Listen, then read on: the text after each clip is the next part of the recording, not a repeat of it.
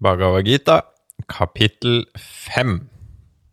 Kapittelet kalles Den disiplin som er å gi avkall på handling. Arjuna sa, Du roser å gi avkall på handling, Krishna, men også disiplin i handling. Fortell meg så jeg kan være sikker, hva er det beste? Herren sa, både å gi avkall på og å disiplinere seg i handling fører frem, men disiplin i handling skiller seg ut som best. Du skal vite at den som verken hater eller begjærer, alltid gir avkall på handling. Uten motsetninger blir han lett fri sine lenker. Bare de dumme sier at filosofi og religiøs disiplin er forskjellig, ikke de kloke. Driver en med det ene på rett vis, får en frukten av begge. Det filosofene når, kommer en også til gjennom disiplin. Den som ser at filosofi og religiøs disiplin er ett, han ser. Å gi avkall på handling, Arjuna, er vanskelig uten disiplin.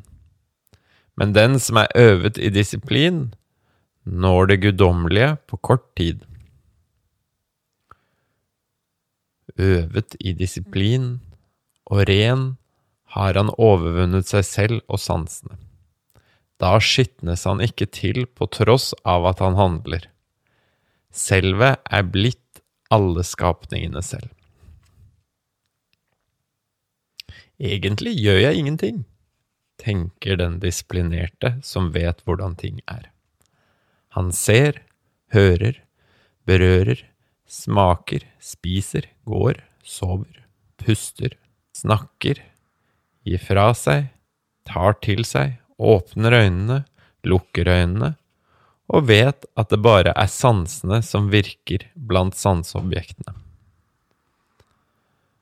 Den som overgir handlingene til det guddommelige og handler etter å ha gitt slipp på sin binding, blir ikke tilskitnet av det onde, slik lotusens kronblader ikke skitnes til av vannet.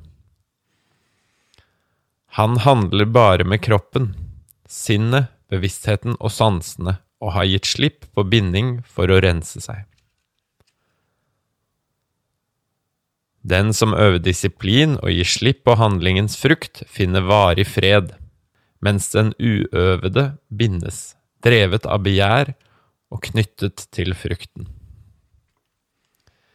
Når han gir avkall på alle handlinger med tanken, er han lykkelig, herre over seg selv. Det inkarnerte selve i kroppen, byen med de ni porter, verken handler eller får noen til å handle. Herren har ikke skapt verden slik at det finnes noe handlende jeg, eller noen handling, og heller ingen forbindelse mellom handling og frukt. Det er bare naturen som virker. Herren tar ikke på seg det onde hos noen, heller ikke de gode handlinger.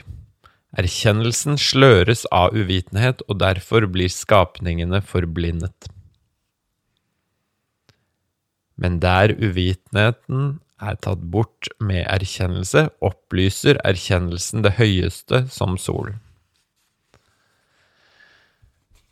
Er bevisstheten vendt mot det, selve vendt mot det, hviler en i det og har det som sitt høyeste mål. Kommer en dit en ikke vender tilbake fra igjen, for syndene er renset bort i erkjennelse.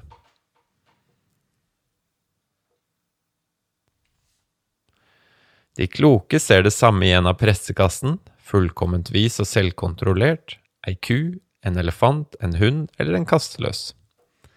De som har overvunnet gjenfødsel, hviler tanken i det som alltid er det samme. Det guddommelige er alltid det samme, uten feil. Derfor hviler de i det guddommelige. Den kloke begeistres ikke av det behagelige, forstyrres ikke av det ubehagelige. Med fast bevissthet, uforblindet i sin viten om det guddommelige, hviler han i det guddommelige. Selvet binder seg ikke mer til ytre ting. I selvet finner han gleden.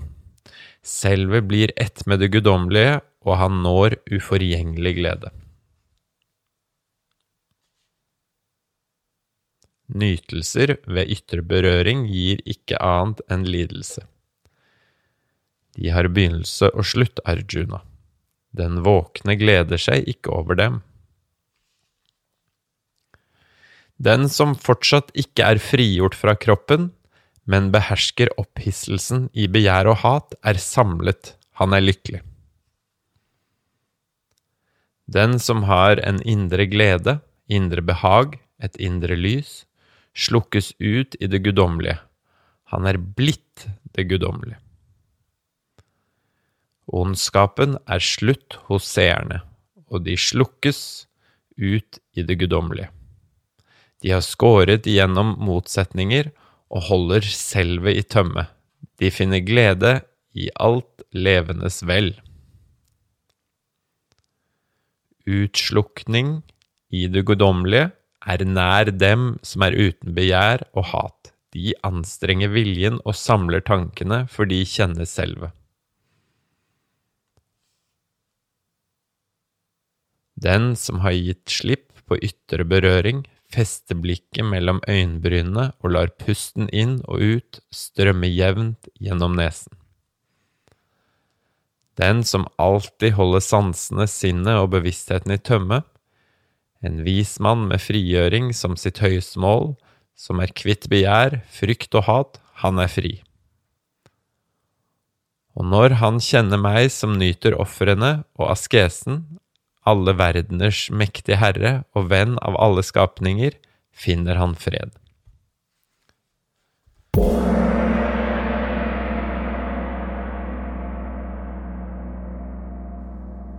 Bhagavad Gita er oversatt av Jens Bråvik, Signe Koen, Knut A. Jacobsen, Knut Kristiansen, Georg von Simson og Hanne Svendsen. Takk for det.